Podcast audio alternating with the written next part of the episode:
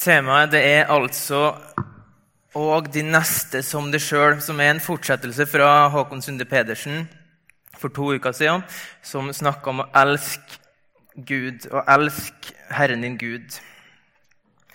Og så er det greit eh, å vite, som er nevnt, at det overordnede temaet for måneden det er omvendelse. Og Det forklarer litt av hvorfor vi, det er satt opp den teksten som det er gjort i dag, selv om temaet er å elske sin neste som seg sjøl. Eh, og Det er jo henta fra det som vi har fått hørt. Eh, Jesus sier i Matteus 22 at det her er de to største buda. Du skal elske Herren din Gud av hele ditt hjerte, av hele din sjel og all din forstand. Det er det største og første budet. Men det andre det er like stort. Du skal elske din neste som deg sjøl.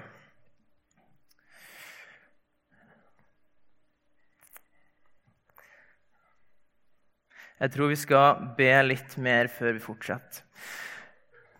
Kjære Herre Jesus, gode Far. Vi takker for at du er så ufattelig stor. Um, må vi få lov til å se din storhet, din hellighet. Må vi få lov til å se inn i ditt ord, uh, kjære Jesus. Gode Gud, må du ta det inn i våre hjerter. Vi ber om at du er til stede her, Jesus, som du har lovet oss i ditt navn.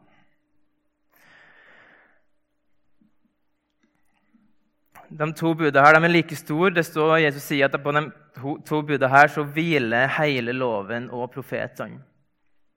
Så Hvis vi skal sammenfatte budet, så er de her to budene. Og så er vi påbudt faktisk å gjøre det. Det står du skal elske Gud, du skal elske din neste. Som Håkon poengterte. Kjærligheten din blir påbudt. Um, og Så skal vi nå gå inn i teksten, som er Jeremia 7. Uh, ehm, men før vi gjør det, så det, jeg synes i hvert fall det er veldig greit når vi går inn i en profettekst i Gamle testamentet, å få et lite bakteppe. Vi skal bruke to minutter på det, så det er litt lettere å forstå. Og Ståa er følgende i Israels historie. Etter kong Salomo dør, så blir Israel delt i to. I et Nordrike et Sørrike. Og Så går Nordriket under, eh, blir erobra i 722 før Kristus av syrerne. Men Sørriket der går livet sin gang, men så er tida prega av at folket har en ganske dårlig relasjon til Gud. De bryr seg fryktelig lite om Gud. Og Det er her da Jeremia kommer inn i bildet. Han får oppdraget for Gud. Nå skal du gå til det folket her og si at dere kan ikke leve i opposisjon til Guds vilje. Og så, pga. en dårlig gudsrelasjon, så er det òg en straff på vei. På vei. Sørriket skulle gå under, slik som Nordriket gjorde. Så vi regner med at Jeremia, Da snakker vi rundt 600 før Kristus, altså drøye ti år før da Sørriket blir erobra av Babylon, og det vanker da et eksil der. Og Derfor kan vi se på Jeremia som en slags omvendelsesprofet og en domsprofet. Han ble sendt fra Gud fordi han skulle ta tak i folk og så skulle han riste dem skikkelig og si kom an, det her funker faktisk ikke. Det er ikke sånn det funker. Dere kan ikke leve på denne måten her. Da går det ikke bra med dere. Fordi de hadde gjort Gud så ufattelig mye mindre da, enn det han er. Og så har de gjort seg sjøl ufattelig mye større enn det de er i møte med Gud. Um, og Det ser vi også i teksten vi skal lese nå. Og den er av, Vi skal lese Irmia 7, vers 1-11 og 21-24. Der. Dere ser det der? Nei, det var litt smått. Ja, dere, dere, klarer å se det. Dere ser godt. Det står i hvert fall sånn Dette ordet kom til Jeremia fra Herren. Still deg i porten til Herrens hus.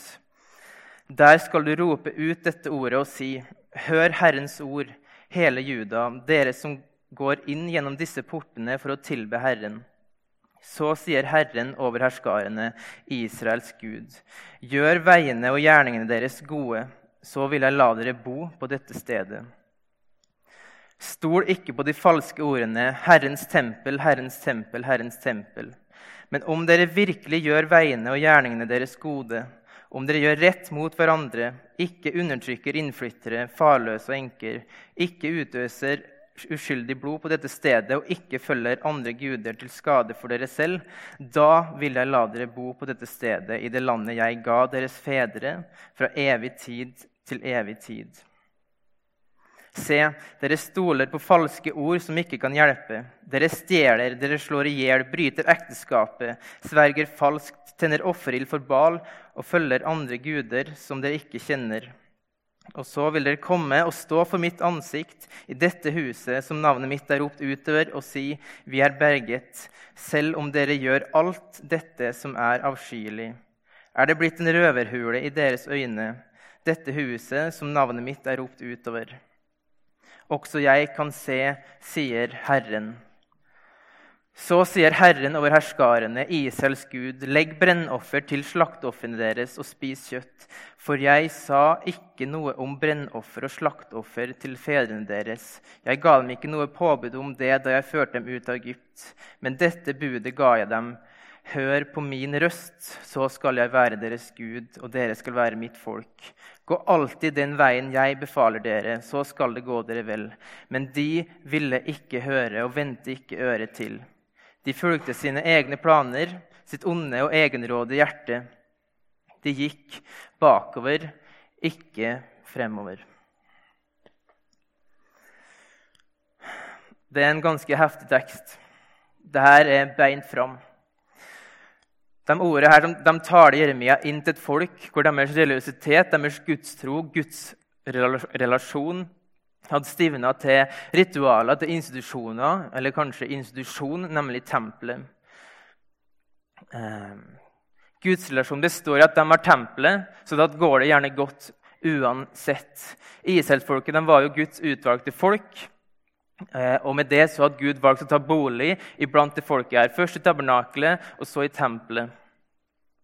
Og Det var i sentrum av landet og i, i tempelet, i det aller helligste, der bodde Gud. Og da var, kunne israelsfolket slå seg til ro. De hadde tempelet, Guds bolig var der. Eh, den naturlige følgen i deres hode er at Gud er hos dem, Gud er med dem. Så de kunne egentlig gjøre hva de ville. Eh, gjøre det som var godt i egne øyne, være selvfokusert, dyrk avguder osv. Fordi Gud er jo der uansett. Han er jo i tempelet. Vi har jo tempelet. Og Noe av denne dynamikken den ser vi òg i Mika 3,11. Der spør de seg retorisk er ikke Herren midt iblant oss. Det hender oss ikke noe vondt. Men så viser Mikas bok oss at Gud var ikke midt iblant det folket fordi de lever i opposisjon til Gud. De lever imot hans vilje.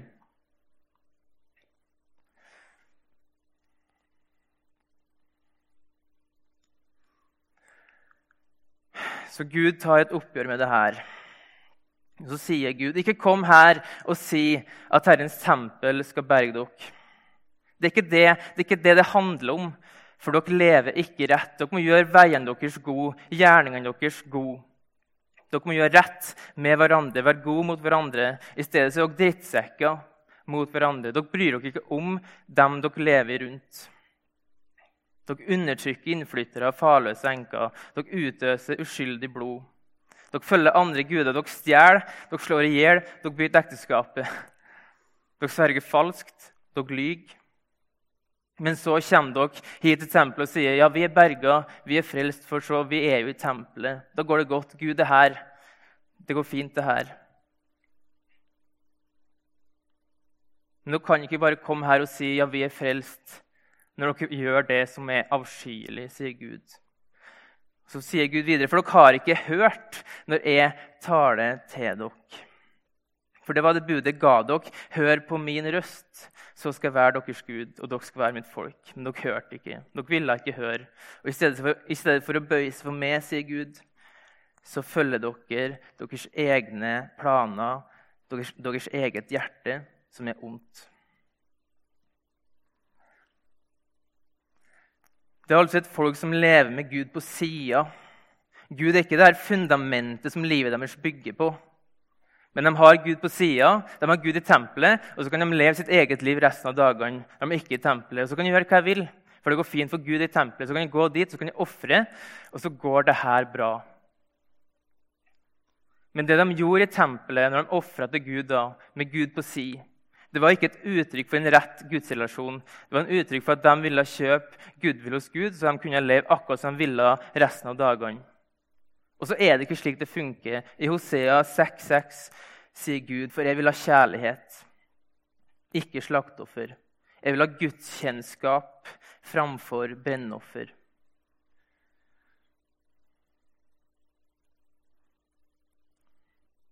Det var et folk som ikke var vendt mot Gud, men de var vendt mot seg sjøl.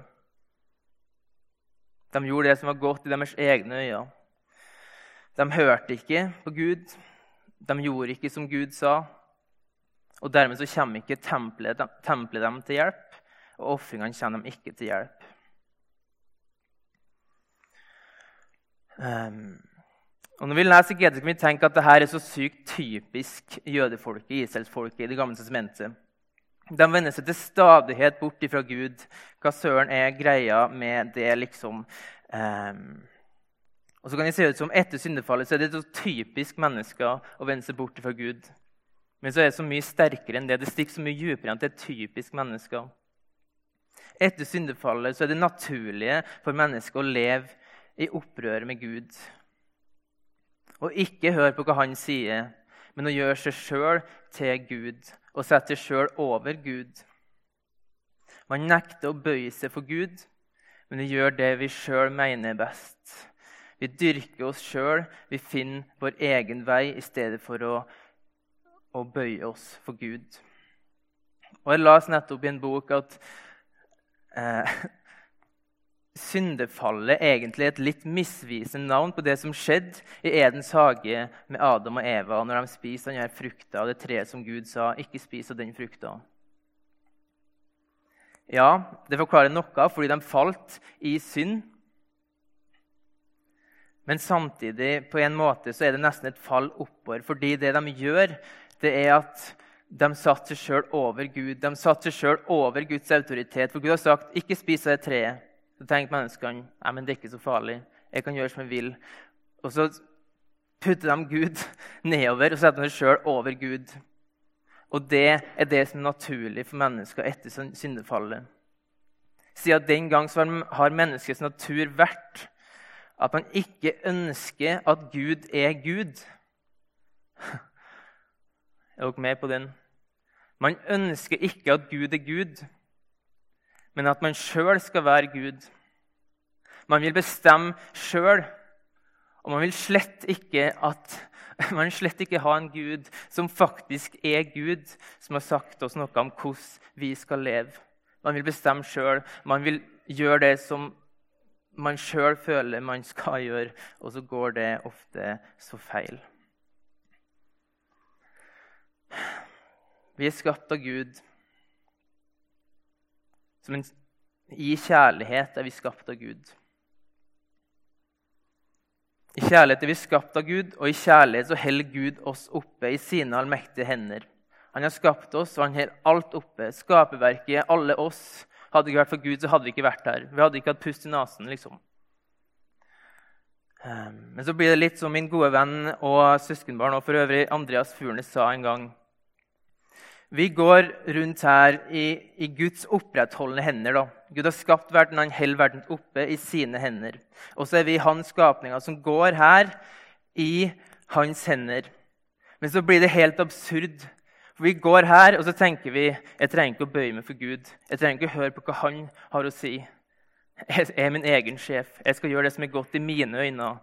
Og det blir, det blir så feil. For vi går der i Guds hender, han som holder oss oppe, han som vi kan takke alt for. At vi har livet, at vi lever, at vi har pust i nesen. Og det er han som har skapt oss i kjærlighet, så vi kan leve og følge hans vilje. Men så går vi altså her og så fokuserer vi oss på oss sjøl, opphøyer oss sjøl, uten å bøye oss for Han.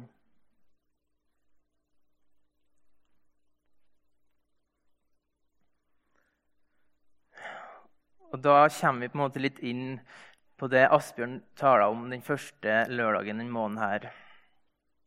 Og så sa han jeg vil være et menneske som bøyer meg for Gud. Jeg vil være et menneske i denne hånda til Gud som faktisk skjønner at Ja, Gud, jeg må faktisk bøye meg for det.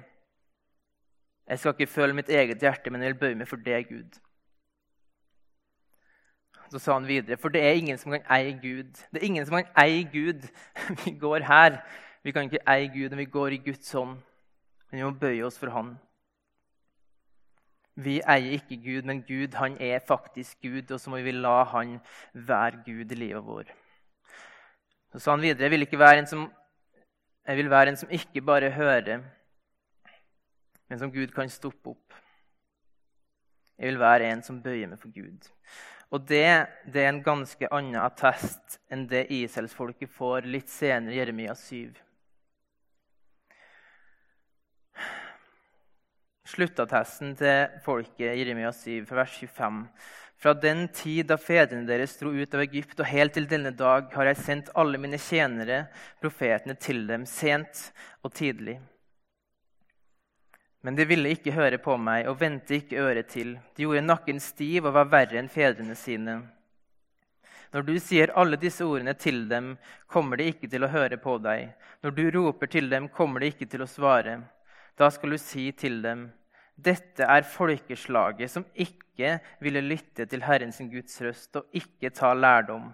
Det er slutt på trofasthet. Den er forsvunnet fra deres munn.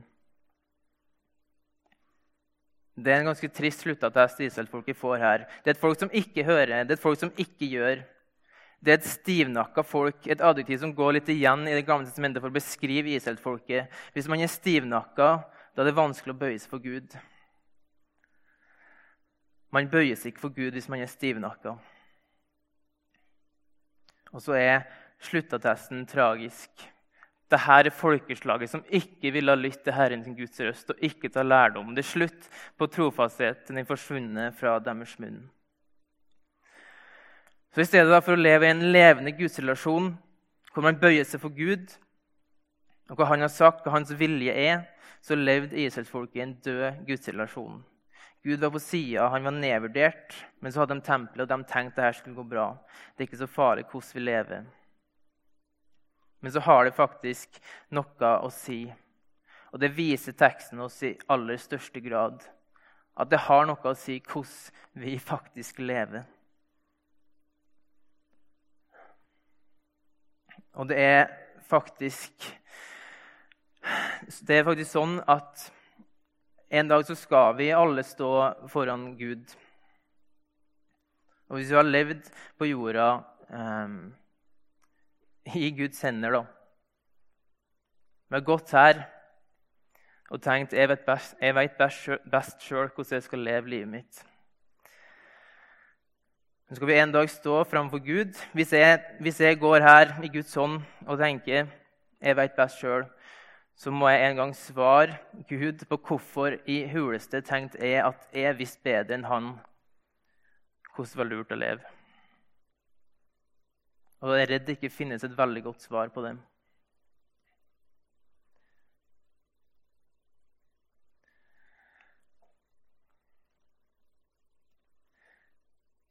Så hvordan, er det med oss?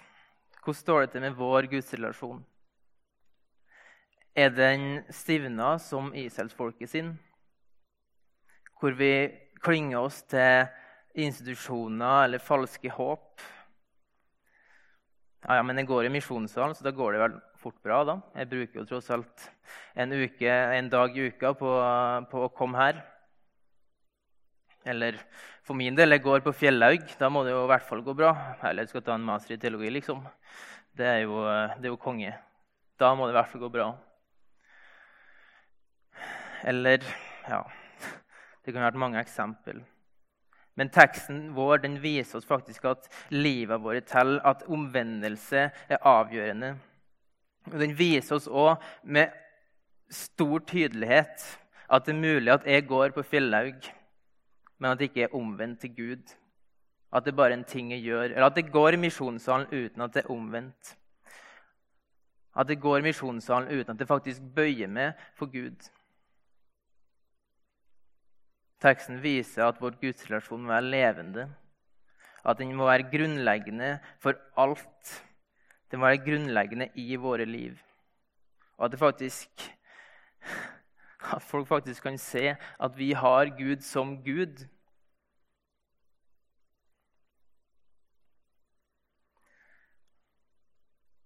Så er liksom spørsmålet om Gud får lov til å være Gud i våre liv. Får han være det fundamentet? For hvis han ikke er fundamentet, så er det, så er det ikke Gud du har med å gjøre, egentlig. Vi vender uh, Wow. Um, det er så lett da, at vi vender oss Vi går til oss sjøl og tenker vi vet best, men vi må vende oss til Gud.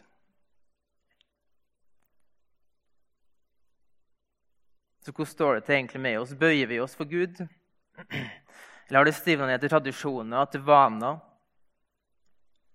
Eller et levende og nært forhold? Er det kjennskap til Gud, eller er det bare kunnskap?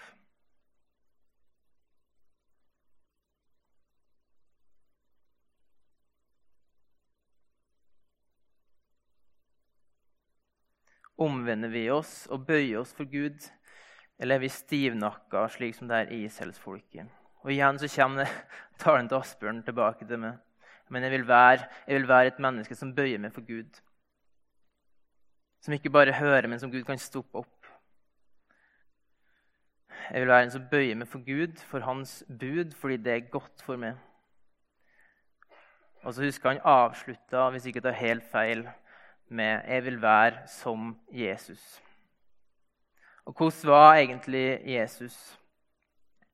Han var i Guds skikkelse, står det i Filipperne 2.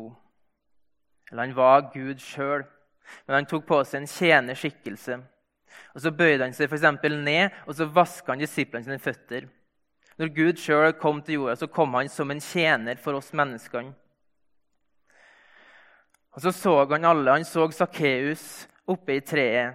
Han så tiggeren som, gikk, som satt langs veien. Han tok seg av dem som var marginalisert i samfunnet. Og til syvende og sist så viser han oss hvordan man elsker til det ytterste ved å gi sitt liv for alle. Med andre ord så er det totalt annerledes eh, enn Israelsfolket vi møter i Jeremia 7. Jesus han gir motstykket til det Israelsfolket i Jeremia 7. De tenkte bare på sitt eget beste, gjorde det som var godt i deres egne øyne. Um, Jesus han søkte ikke sitt eget beste, men alle andres beste og kom som en tjener for oss. Og så er det han som har sagt at vi skal elske vår neste som oss sjøl. Han som har vist oss hvordan det faktisk kan se ut. Han som har gitt oss et forbilde. Det er han som har sagt at vi skal elske vår neste som oss sjøl.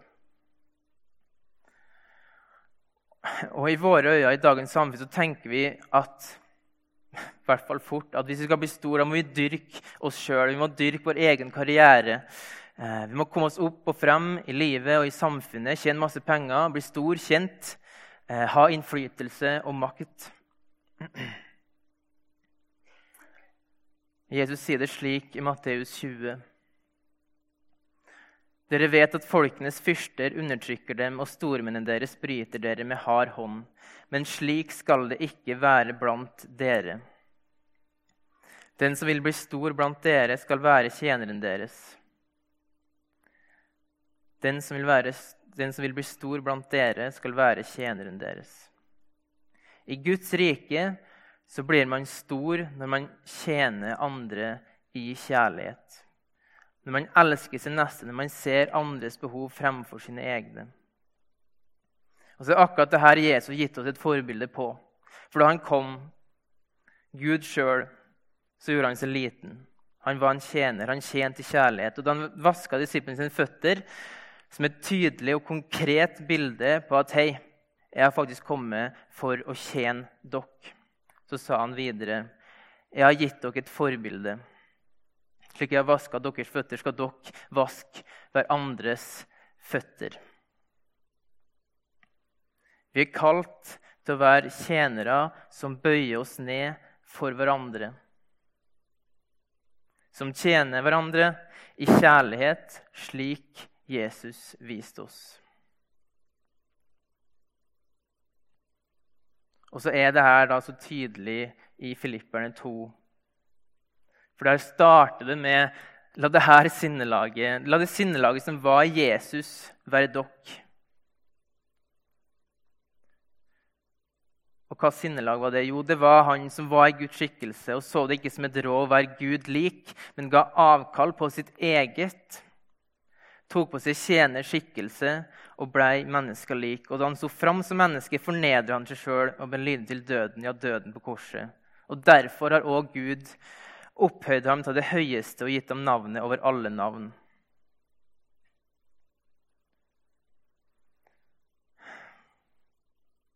Når Jesus kom, så bøyde han seg ned for oss. Han tok på seg en tjenerskikkelse. Han hadde et tjenersinn, og det sinnet, det sinnet og det sinnelaget er det vi skal ha.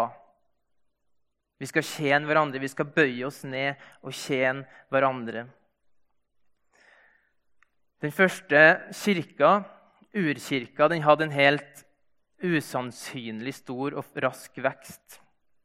Og Historikere de sier det at mest sannsynlig, eller den største enkeltstående grunnen til at den vokste så fort som den gjorde, det var for at den hadde et rykte på seg. Men ikke bare et rykte, men et rykte som viste faktisk å være sant. Og det var at de elska hverandre. Det begynte å gå rykte om at de kristne som samles i husene, de elska hverandre.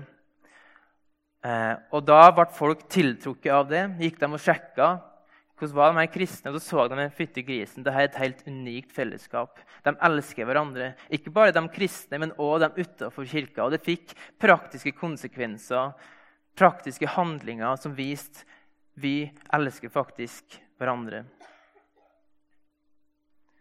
Eh, ikke det at de var feilfri, det var de ikke. De var mennesker som oss.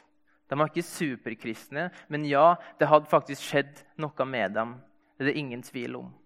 De hadde møtt en som har forandret livet deres. Og de har vendt seg bort ifra seg sjøl og til Gud, og med det òg ikke lenger søkt sitt eget beste, men sett andre sine behov. Og Det syns jeg er heftig å tenke på, fordi det er en enorm utfordring i det. Ikke minst fordi Jesus har sagt at dette skal faktisk være kjennetegnet vårt. Og Han sier det i forlengelse av at han vasker disiplene sine føtter. Et nytt bud gir jeg dere. Dere skal elske hverandre. Som jeg har elsket dere, skal dere elske hverandre. Ved dette skal alle forstå at dere er mine disipler, at dere har kjærlighet til hverandre. Dette skal alle forstå at dere er mine disipler, at dere har kjærlighet til hverandre. Det er en heftig utfordring. Helt konkret, Hver den som går her i misjonssalen, og alle som kommer innom misjonssalen, de skal kjenne det at dette er et tjenende fellesskap. At det er et fellesskap som elsker hverandre. Og at dette kommer helt tydelig til uttrykk, konkret. Man skal forstå her er det en gjeng som følger Jesus. Her er en gjeng som, som har vendt seg bort fra seg sjøl til Gud. Og der Gud får lov til å vende blikket vårt ut på våre, på våre medmennesker. Som ser våre medmennesker sitt behov, og det er like viktig å fylle dem som våre egnes. Og ikke bare her i misjonen, men i alle relasjoner vi har. Alle vi møter, så skal vi elske. Vi skal elske dem vi møter, og det skal være tydelig at vi er Jesu disipler. Det er Ja, det er heftig. Men Jesus sier det. Dette skal være kjennetegnet vårt. Nå skal jeg gå mot en avslutning, men helt til slutt vil jeg gi Eh, noen forslag fra min side. Eh, så ønsker jeg også at dere skal tenke på hvordan dette helt konkret ser ut i våre liv som kristne, som Jesu disipler, som faktisk skal kjennetegnes ved at vi elsker vår neste. Du skal elske de neste som deg sjøl. Snakk gjerne om det. Hvordan ser dette ut? Og den Lista mi er ikke ment som en eh, fasit eller en ferdig liste men det er ment som et forslag, og den er også basert på at det her vet jeg at det her trenger jeg å minne meg sjøl på. Dette er en liste som jeg trenger eh, å bruke og tenke på, fordi at jeg er så sinnssykt skyldig å ikke klare det her. Første jeg vil se min neste. Jeg vil virkelig se dem. Som vi poengterte, Jesus han så alle. Han så dem som virkelig eh, ja, som trengte han, altså alle. Eh, han så dem virkelig og brydde seg. Så så han forbi fortid. Han så forbi det ytre. Han så forbi hvordan andre folk snakka om dem, hvordan samfunnet snakka om dem, hva rykte de hadde. Så så han inn til hjertet, inn til nød, inn til behov, inn i situasjonen og kom på den måten til hjelp for den enkelte. Og så er det utfordrende fordi vi så ofte danner oss et bilde av folk basert på hva vi har hørt om dem. Gjerne når vedkommende ikke er til stede, det som blir sagt bak ryggen til folk så har vi allerede gjort opp en mening om vedkommende, og da gjerne i negativ forstand. Men Jesus han brukte masse tid og så dem som samfunnet allerede hadde forhåndsdømt. Så la oss se hverandre. La oss be om at vi klarer å se hverandre slik som Jesus så mennesker. At vi får lov til å se dem med Jesu øyne. Med en uendelig verdi, uavhengig av historie, av hva folk sier, hva samfunnet sier om dem. Og I forlengelse av det jeg har lyst til å være en som fremsnakker, ikke baksnakker. Der vet jeg et kjempeproblem for min, for min del. Dessverre så er det sånn at rykter og driv og snakke om folk kan være fryktelig morsomt. Så baller det ofte på seg. Det ender ofte med at det går rykter om folk som ikke er sann i hele tatt. Og det er ikke spesielt kjærlig. Og så får det òg negative konsekvenser for dem det blir snakka om. At folk begynner å overse dem, tenke usant om dem og dømme dem uten at man faktisk vet hva som egentlig har skjedd. Så la oss tenke på hvordan vi snakker om folk. Og Jakob skriver sitt brev, kapittel 3 og vers 9, om tunga.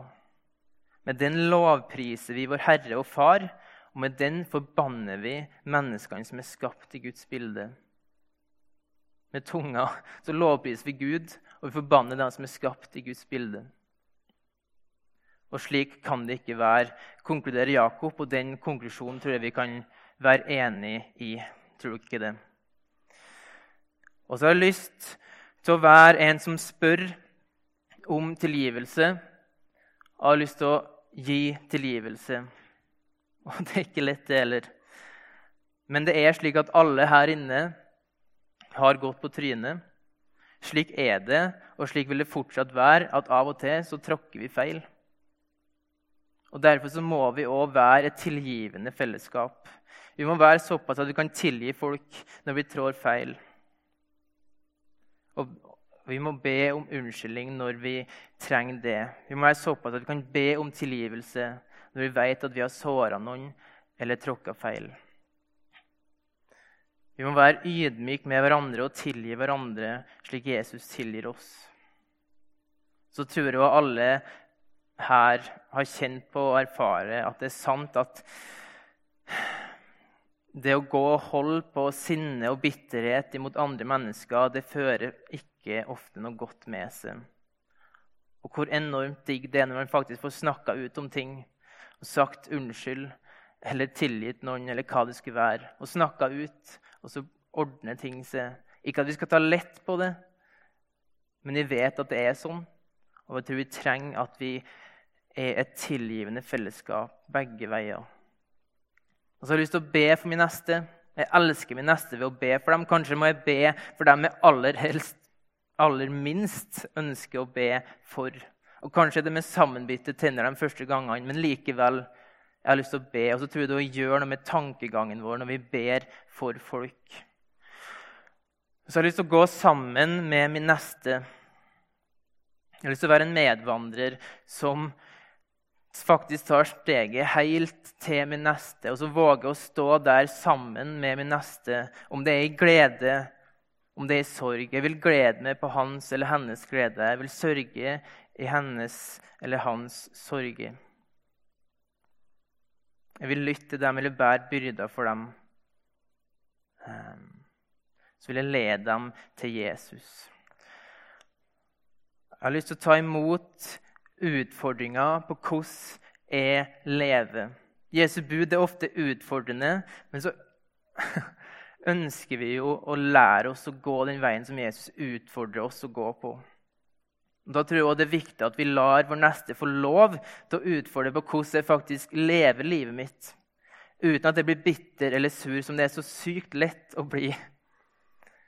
Men jeg vil ta imot konstruktiv kritikk som faktisk leder meg nærmere Jesus. Og så vil det ikke være en som er sjølrettferdig, liksom tenker jeg vet best sjøl hvordan det her funker. Men det kan faktisk være at andre ser ting som du kanskje skal tenke på. Hvordan man lever. Og jeg vil alltid søke å være mer og mer lik Jesus.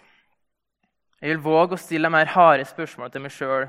Hvorfor tenker jeg som jeg gjør? Hvorfor gjør jeg som jeg gjør? Var det rett? Var det det Jesus ville ha gjort? At vi søker og ber om å få bli mer og mer lik Jesus og leve i samsvar med hans vilje. Og siste punkt jeg vil ikke dømme andre, men og utfordre andre til å bli mer lik Jesus og være mer lik Jesus. Og Det er et krevende punkt, fordi her kommer igjen på en måte, vårt hjerte i veien. da. Det kan bli en sånn selvrettferdighet at jeg kun ser min, eh, min neste syn, men ikke min egen. Men jeg vil utfordre andre i kjærlighet, fordi jeg vet at det er noe de trenger, på samme linje som faktisk jeg trenger at folk utfordrer meg. Um, og Kanskje kan dette være noen punkt som vi kan ta med oss. Noen punkt for at vi kan være et tjenende, kjærlig fellesskap. Noen punkt på hvordan vi helt konkret kan elske vår neste. Og helt til slutt så håper jeg at alle her har opplevd hvor vakkert det er når man virkelig opplever det her, et kjærlig fellesskap. Hvor faktisk nestekjærligheten er i fokus.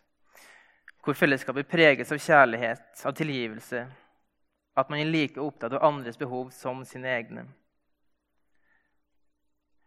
Dessverre så tror jeg også at kanskje alle her en eller annen eller flere ganger har erfaring med hvor stygt det kan være når det er motsatt.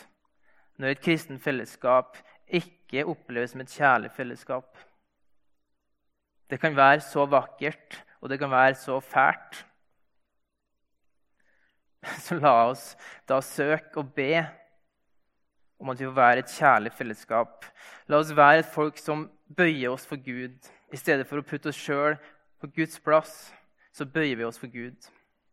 Og med det, eh, og, og, med det, så els, og med det å elske vår neste.